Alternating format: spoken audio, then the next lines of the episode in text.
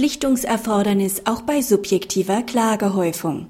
Eine Klage ohne vorherige Durchführung eines erforderlichen Schlichtungsverfahrens ist auch dann unzulässig, wenn vorher gegen den anderen Gesamtschuldner ein Mahnbescheid erlassen wurde.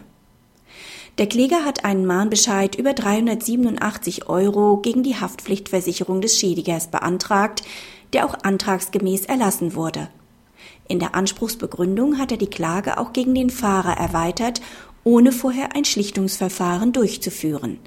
In allen Instanzen wurde die Klage als unzulässig abgewiesen. Nach dem anwendbaren Landesrecht ist für bürgerliche Rechtsstreitigkeiten vor dem Amtsgericht bei einem Streitwert unter 750 Euro vor der Klage ein Schlichtungsverfahren durchzuführen. Eine ohne einen solchen Einigungsversuch erhobene Klage ist unzulässig. Eine Ausnahme gilt zwar für ein Mahnverfahren, hier ist das Mahnverfahren aber nur in Bezug auf die Versicherung und nicht auf den Schädiger durchgeführt worden. Zwischen dem verklagten Versicherer und dem Schädiger besteht eine einfache Streitgenossenschaft. Diese sind also nur äußerlich verbunden.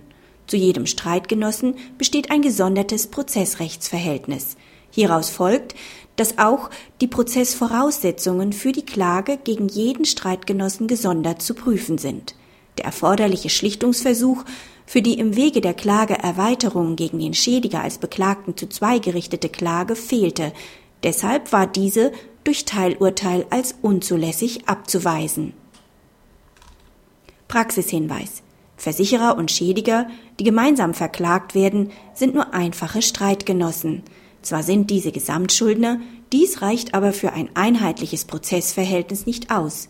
Im Übrigen werden unterschiedliche Entscheidungen in der Kraftfahrzeughaftpflicht dadurch verhindert, dass rechtskräftige klageabweisende Urteile gegen einen Beklagten auch gegen den anderen Beklagten wirken